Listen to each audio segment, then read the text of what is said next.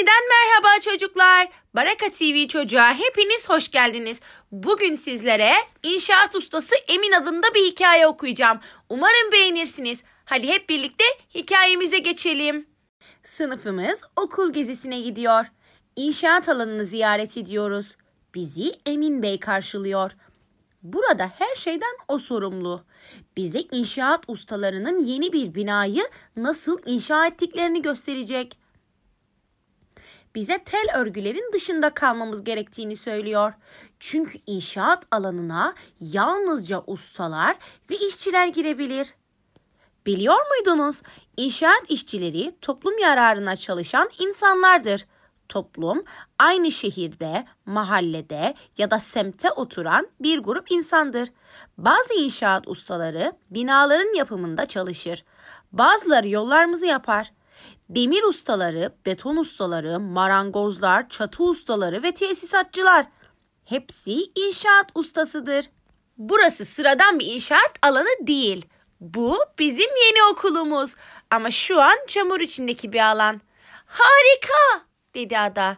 Teneffüste kumların üzerinde oynayabiliriz. Emin Bey gülümsedi. Kumun olduğu alanı düzenleyeceğiz. Üzerinde sizin için oyun parkı olacak.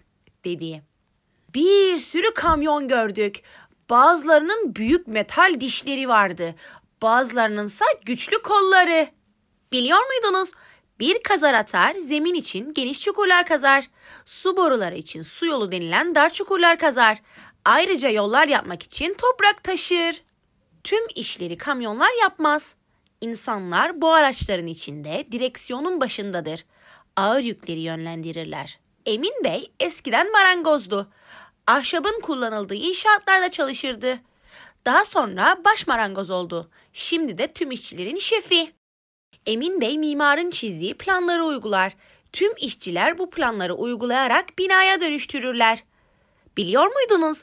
İnşaat işçileri dersler alırlar ve işlerini nasıl yapacaklarını öğrenirler. İşe çırak olarak başlarlar. Bu da işi diğer çalışanlardan öğrendikleri anlamına gelir. Emin Bey'in bir numaralı işi insanların güvenliğini sağlamaktır. İşçilerin başlarını korumak için baret taktıklarından emin olur. Turuncu ikaz yeleği giyerler. Böylece işçiler birbirlerini daha kolay fark ederler. Bip bip bip bip bip. Arkası kalkarken beton mikseri kamyonu kornasını çalar. Korna herkesin güvenliği içindir.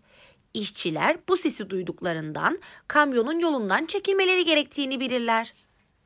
Islak beton uzun bir borudan yere doğru akar. Bu okulumuzun zemini olacak. Biliyor muydunuz? Sürücüler betonu inşaat alanına hızlıca götürmeliler. Beton yaklaşık 90 dakikadan sonra kurumaya başlar. Ardından da sertleşir. Çınar, betonun içine batmaz mıyız? diye sordu. Emin Bey betonun kuruyacağını ve sertleşeceğini söyledi. Sonra halılar ve kilimler onun üzerine serilecekmiş. Bazı ustalar yerden çok yüksekte çalışırlar. Duvar ustası tuğlalarla duvarları örer.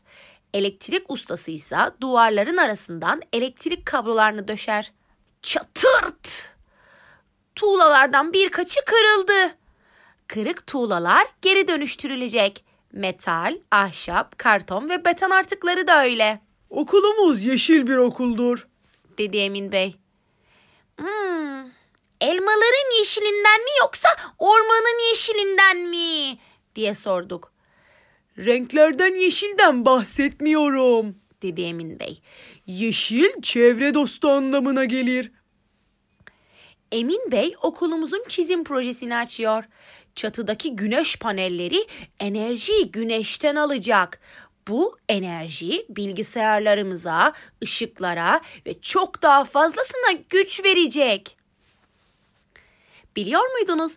Büyük pencereler bir binanın çevre dostu yeşil bina olmasını sağlar. Pencereler ve tavan pencereleri güneş ışığının içeri girmesini sağlar.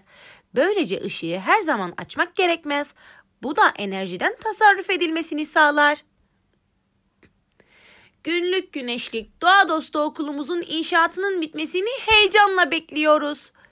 Emin Bey yeni okulumuzun inşaatında yardımcı olduğu için biz de ona yardımcı oluyoruz. Hikayemiz burada sona erdi. Umarım emekçi abi ve ablalarımızın bir binayı nasıl yaptıklarını anlatan bu hikayeyi beğenmişsinizdir. Bir sonraki hikayemizde görüşmek üzere. Kendinize iyi bakın, sağlıkla kalın, hoşça kalın.